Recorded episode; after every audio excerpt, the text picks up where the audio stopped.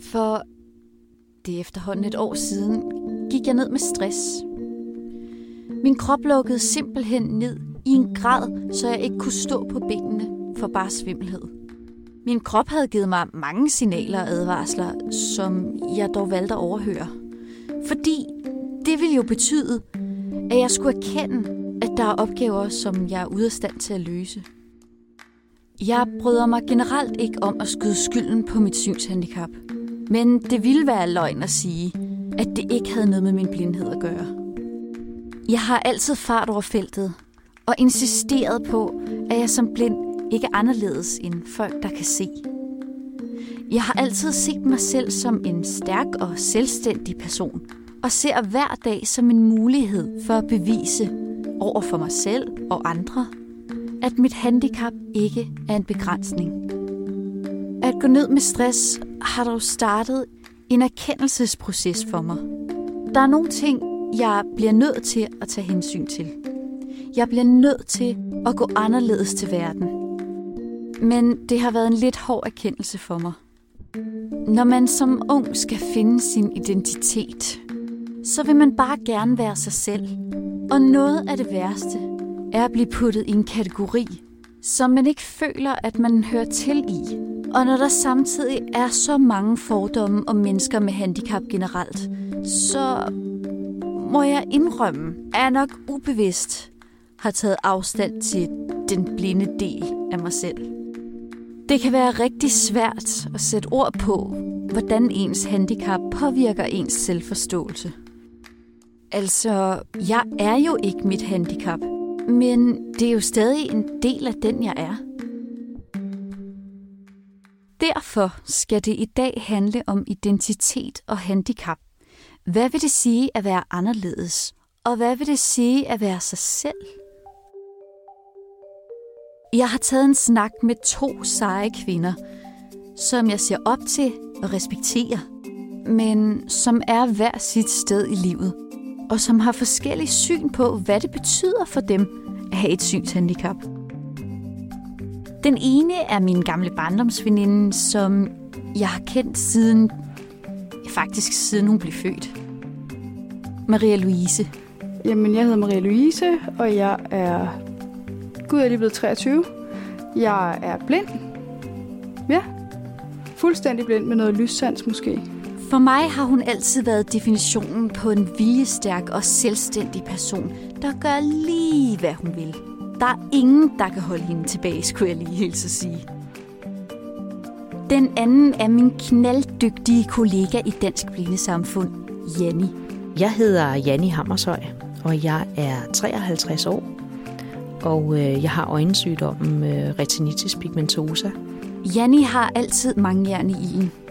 Hun er blandt andet præsident for International Blind Sports Association og forretningsudvalgsmedlem i Dansk Blindesamfund. Mens Marie-Louise altid har været blind, er Jannis udvikling formet af at miste synet løbende. De har kæmpet med mange af de samme udfordringer, og er ganske enkelt super inspirerende at være i selskab med. Mit navn er Sofie Mungård. Velkommen til Øjenkrogen.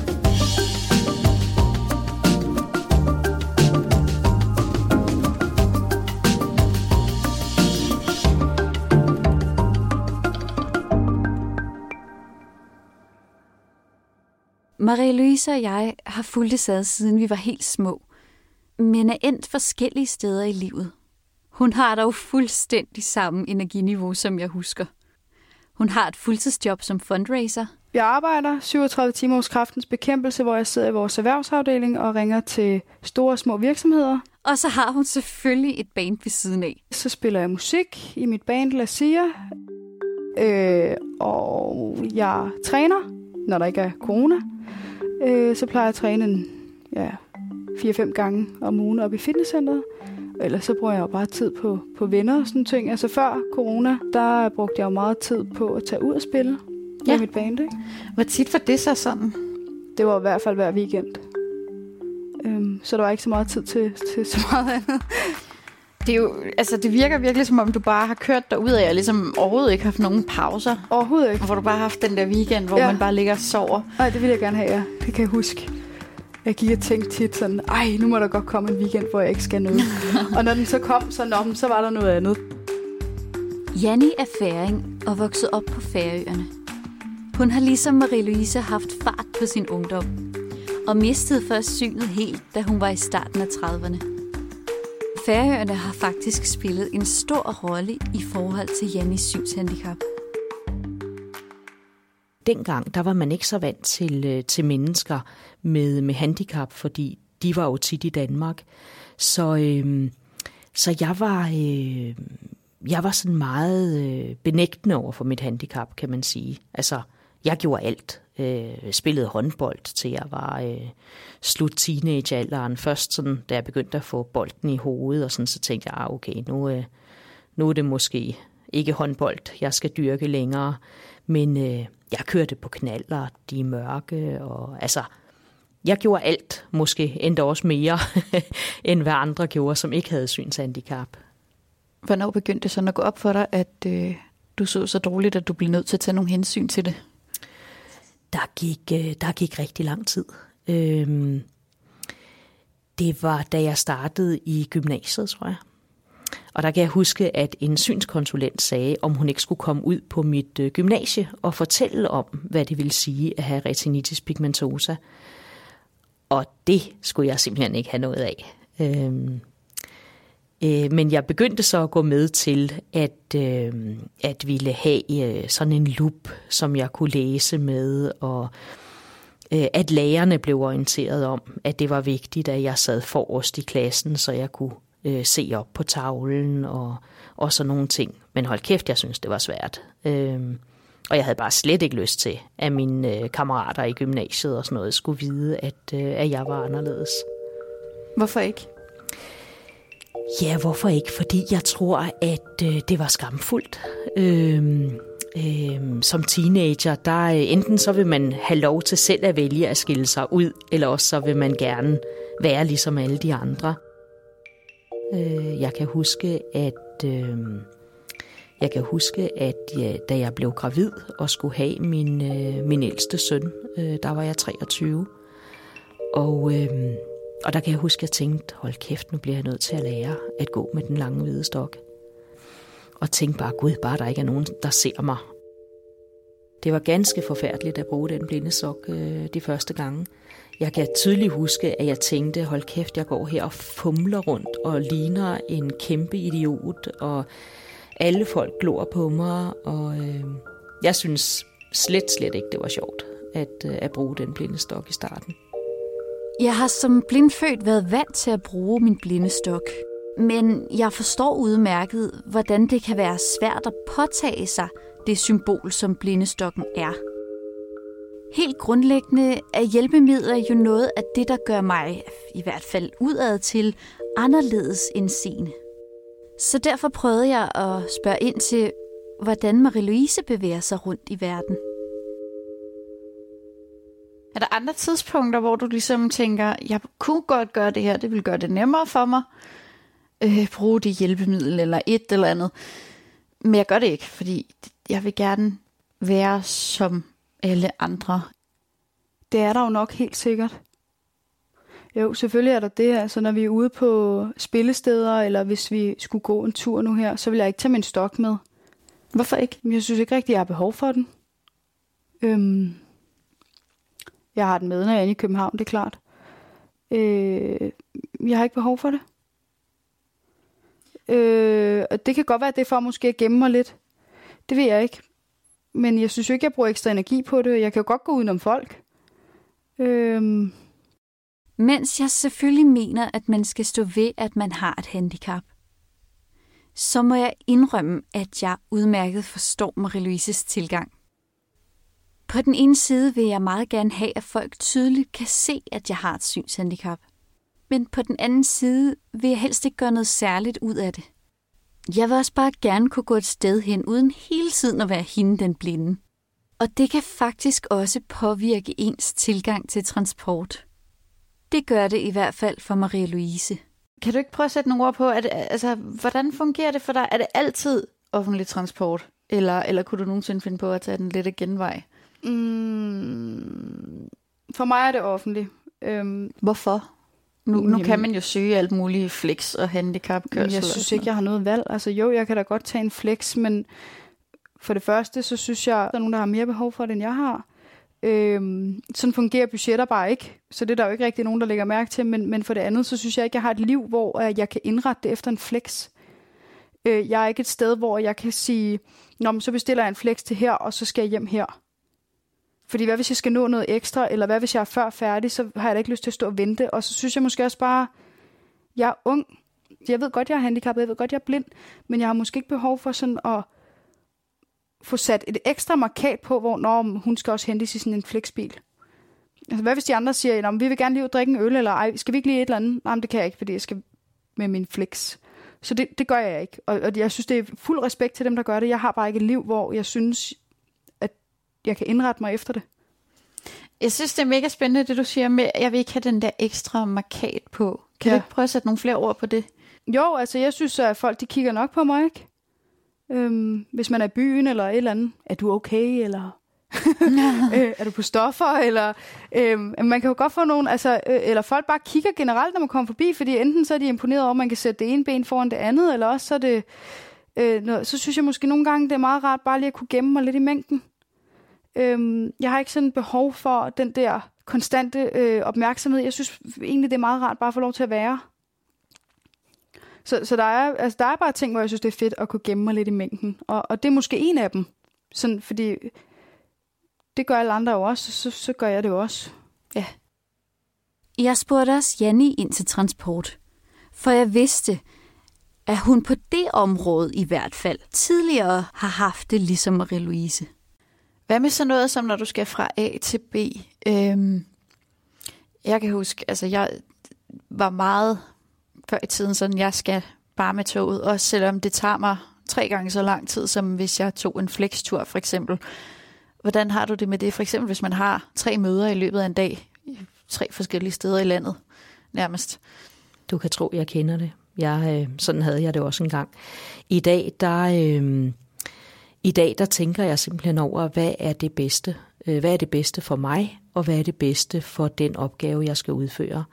Jeg kan blive fuldstændig smadret af at skulle øh, tage øh, toget, øh, skifte to gange, øh, to busser, så er jeg slet, slet ikke lige så øh, gearet, som, øh, som øh, jeg vil være, hvis jeg bliver kørt øh, fra A til B, øh, for, at, øh, for at kunne deltage i et møde.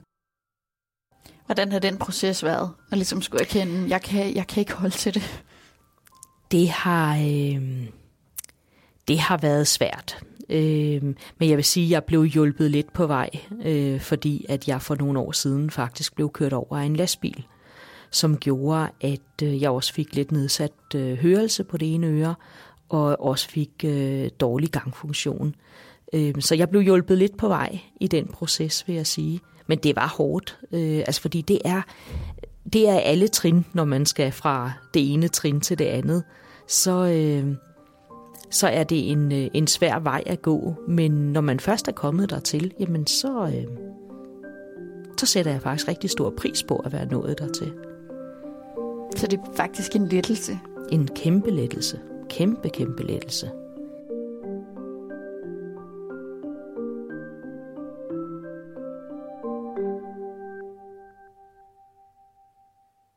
At skulle bede folk om at bruge tid og kræfter på at tage hensyn til en, det synes jeg personligt er svært. Det er ikke fordi, jeg er genert. Jeg har bare ikke lyst til at være en, der skal påberåbe mig særlig behandling. Det er en balancegang, som jeg har kæmpet med både i sociale situationer og i mit arbejdsliv. Og det har Marie-Louise også. Ej, hvad var det, vi skulle på mit arbejde? Åh, jeg kan ikke huske det. Vi skulle ud og spille et eller andet. Jeg synes, øh, jeg kan huske, at jeg tænkte, hvordan i alverden kommer jeg til at gøre det? Men øh, øh, så kom corona, vi nåede det ikke. Men, men jeg tror bare altid, jeg har haft den der med, altså i folkeskolen til idrætsdag, der fik jeg altid øh, smadret ned i hovedet, at jeg skulle deltage. Så kunne det godt være, at jeg ikke kunne deltage på den rigtige måde, men jeg skulle deltage. Øh, fordi der er jo stadig nogle, nogle ting, man, man vil kunne deltage i. Det er klart, i beerpong, der plejer jeg at sige, ej, ved du hvad, øh, ej, jeg er slet ikke stiv nok til det her, og så plejer jeg at hæppe, ikke? Så for som en undskyldning til, at jeg er pisse dårlig, og der ikke er nogen, der vil være sammen med mig, ikke? øhm, Fordi de skal jo heller ikke tage hensyn til mig, tænker jeg. Altså, jeg, vi er jo en minoritet, ikke? At jeg vil da også føle mig vildt akavet, hvis der bliver indrettet noget. Fordi øh, der skal også, øh, hende den blinde skal også være med. Vi er godt nok 17, der kan, men, og 17, der gerne vil, men, men nu skal alle jo være med. Sådan synes jeg ikke rigtigt, det fungerer. Altså alle skal være med, men det er ikke sjovt at være den der ene, hvor der skal laves nogle særlige regler. Janni har ikke på samme måde skulle prøve at snige sig udenom beerpong og den slags sociale aktiviteter. Men hun har også en helt anden tilgang, når hun for eksempel skal et sted hen, som ikke er vant til at tage hensyn til mennesker med synshandicap. Det er meget sjældent, at jeg tager ud til konferencer helt alene. Men der gør jeg simpelthen det, at der sikrer jeg mig selv. Altså jeg risikerer ikke at stå i den situation, øh, hvor jeg står ved buffetbordet, og der ikke er nogen, der gider at hjælpe mig. Så jeg kontakter konferencestedet og aftaler simpelthen med dem, at når jeg kommer, så tilbereder de nogle tallerkener øh, til mig, som de så kommer hen og giver mig. Og det har, altså, det har fungeret fuldstændig perfekt, øh, alle de gange, jeg har prøvet det. Er det ikke grænseoverskridende? Nej. Nej, der bliver jeg helt nysgerrig. Hvorfor skulle det være det? de vil hjertens gerne hjælpe med. De sagde, gud, sikkert dog en god idé, og de synes da også, det er en super god idé. Mm. Jamen, ja. jeg tror, jeg, jeg vil synes, det var, men jeg er jo også igennem, i gang med den her proces selv. Øh, ja. Det her med, at jeg, jeg vil synes, det var enormt grænseoverskridende at skulle i tale så meget, at, eller jeg vil føle mig for besværlig, tror jeg. Ja. Øhm. Jeg tænker det lige modsat, Sofie. Jeg tænker faktisk, at jeg netop undgår at blive besværlig. Altså i stedet for, at jeg kommer der og, og overrasker dem ved at sige, hov, hey, der er lige nogen midt i hurlumhavet, der skal hjælpe mig, eller min, de andre deltagere skal hjælpe mig og sådan noget, så tænker jeg, så har jeg da forberedt dem, og så går det hele smooth. Mm. Så jeg tænker det lige modsat. Det er lidt sjovt. Ja, ja. Fordi, uh, ja. ja. Undervejs i min samtale med Janni bliver det tydeligt for mig, at jeg ikke hviler så meget i mit handicap, som jeg egentlig gik og troede. Hun sætter så fint ord på mange af de tanker, som i hvert fald stadig fylder for mig, og virker så rolig i det sted, hun er. Det er bare grundlæggende svært at hvile i den del af sig selv, som man jo, lad os være ærlige, helst havde været for uden. Hvorfor tror du, at der, der er så mange, der har det så, så svært med at acceptere sig selv med, med et synshandicap? Det tror jeg hænger sammen med, øh, med, øh, med den øh, samfundsånd, der er. Og det er der jo ikke altså, nogen, der er skyld i, men det er jo sådan noget, der opstår i, i samfund, at øh, der er så meget skam belagt med det, at, øh, at, øh, at være anderledes og måtte gøre ting øh, på andre måder. Øh, minoriteter er jo sjældent dem, som, øh, som øh, man higer efter at høre til.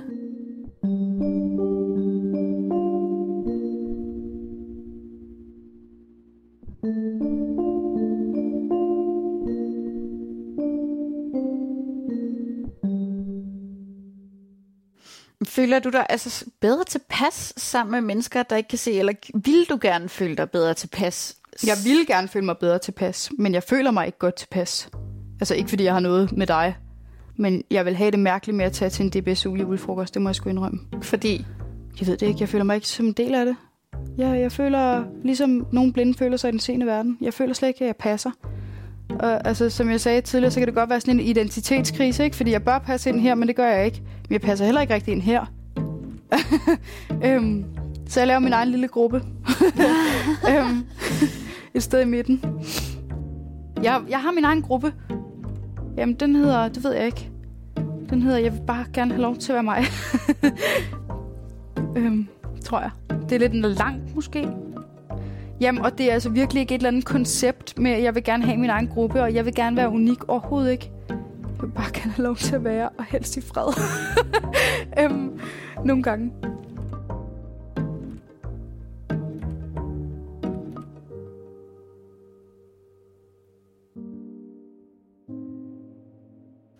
Hvordan har du det? Så øh, har der været en forskel, kan man sige, i hvordan du havde det med at blive set sammen med folk, der havde synshandicap, øh, fra da du startede i processen til nu? Ja, det, øh, altså jeg kan huske der, da jeg, da jeg startede øh, processen, øh, der, jeg, jeg var rigtig glad for at være sammen med dem, der spillede goalball, fordi at, øh, at dem kunne jeg sådan se lidt op til, eller hvad man skal sige. Men jeg var også nogle gange på nogle kurser inde på, øh, på instituttet for blinde også, og der kan jeg huske, at jeg tænkte, øh, hold kæft, lad mig komme væk. Altså, hvor jeg fik det sådan lidt, øh, mund det her, det kan smitte-agtigt. Øh, der, jeg havde slet ikke lyst til at blive identificeret med, øh, med målgruppen af blinde og stærkt svagsynede. Hvor i dag, der, øh, øh, der er jeg faktisk rigtig stolt over det. Jeg synes faktisk, at øh, jeg synes faktisk, vi er en gruppe mennesker, der, øh, øh, der formår rigtig meget, og der gør en kæmpe forskel. For jeg synes faktisk, vi bidrager øh, altså til samfundet i det, at vi ikke bare er som alle andre. Øh, det er jeg, jeg er faktisk ret stolt af i dag, at, øh, at være blind og mine medblinde kolleger, hvis man kan sige det sådan.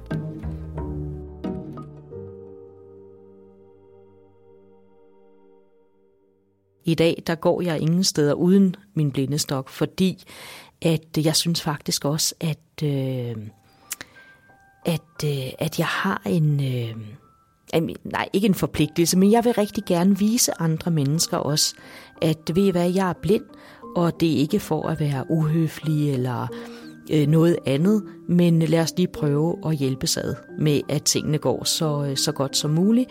Så når jeg kommer gående her, så vil det være rigtig fint, hvis du kan gå til siden, fordi jeg kan ikke se, at du kommer.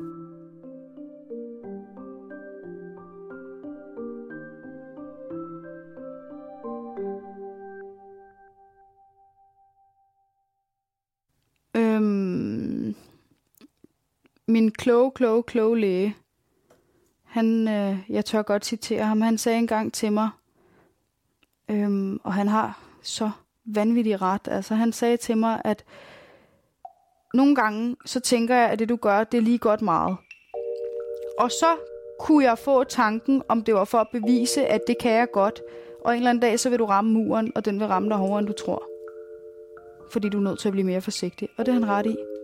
Jo ældre jeg bliver, jo tættere på, eller jo mere forsigtig er jeg nødt til at blive, eller jo flere gange om ugen eller måneden er jeg nødt til at stoppe op og sige, ah, ah er, det nu, øh, er det nu en god idé det her eller noget? Og det er min største udfordring, det er den forbandede mur, som jeg kommer tættere og tættere på og bliver nødt til at se på, ikke? Ja, det kan jeg se. Nu, nu har du måske ikke lagt mærke til det, men jeg har et skateboard stående herude. Mm. Øh, og det kører jeg på, men jeg er blevet meget, meget mere forsigtig, fordi øh, jeg er blevet opmærksom på, at jeg er blevet ældre, og jeg kan slå mig. øhm, jamen, det er jo sådan, der. Ja, jeg vil ikke kategorisere mig selv som en kylling, for det er jeg ikke. Men hvis jeg havde kigget på mig selv for fem år siden, og så nu, så ville jeg sige, hold kæft en kylling. Øhm. så ja, han har ret, min kære læge. Det er min største udfordring, det er, at jeg skal erkende, at jeg også har begrænsninger. Og det skal jeg i forhold til rigtig mange ting. Altså, hvor jeg er nødt til at sige, at jeg er blind. Øhm, det er okay, at jeg bliver træt af det her, eller det er okay, at jeg synes, at det her ikke er så sjovt lige nu, eller det er okay. Fordi det har jeg ikke gjort før i tiden.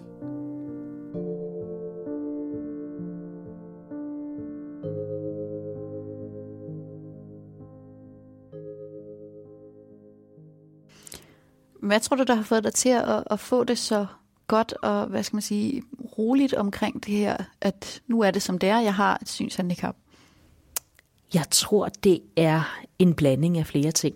Øh, men jeg tror faktisk, at min, øh, jeg tror faktisk, at min opvækst og det øh, rigtig, rigtig hårde i, at, øh, at jeg kunne godt selv, og jeg skulle nok klare mig selv, og øh, altså besteg nærmest øh, Mount Everest, hvor jeg kunne nøjes med at gå op på Himmelbjerget. Ikke også?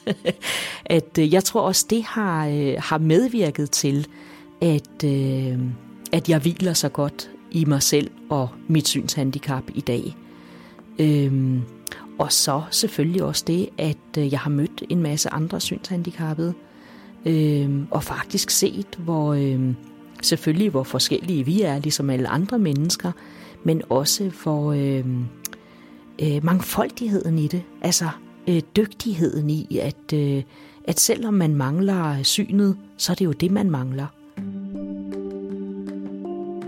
altså, man mangler jo ikke sin menneskelighed eller sin, øh, øh, sin kunde, eller altså, jeg har nok lært at se mennesket, øh, selvom det kan lyde lidt sjovt at blive blind, så lærer man at se øh, Øh, mennesket og også se mig selv og stole på, at, øh, at jeg er god nok som blind. Jeg behøver ikke at leve op til, øh, til at være seende, for det er jeg jo ikke.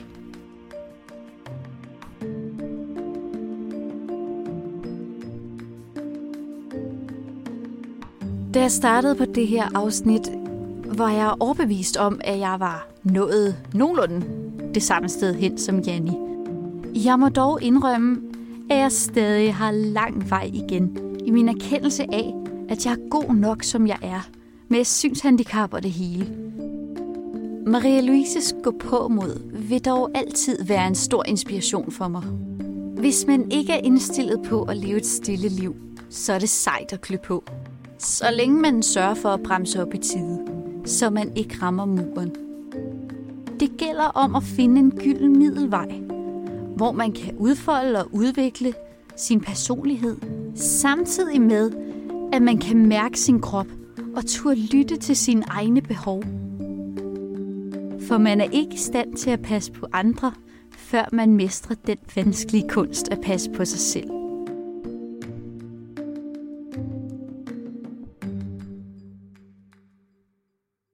Øjenkrogen er produceret af Dansk Blindesamfund. Jeg hedder Sofie Mongård og er jeres podcastvært.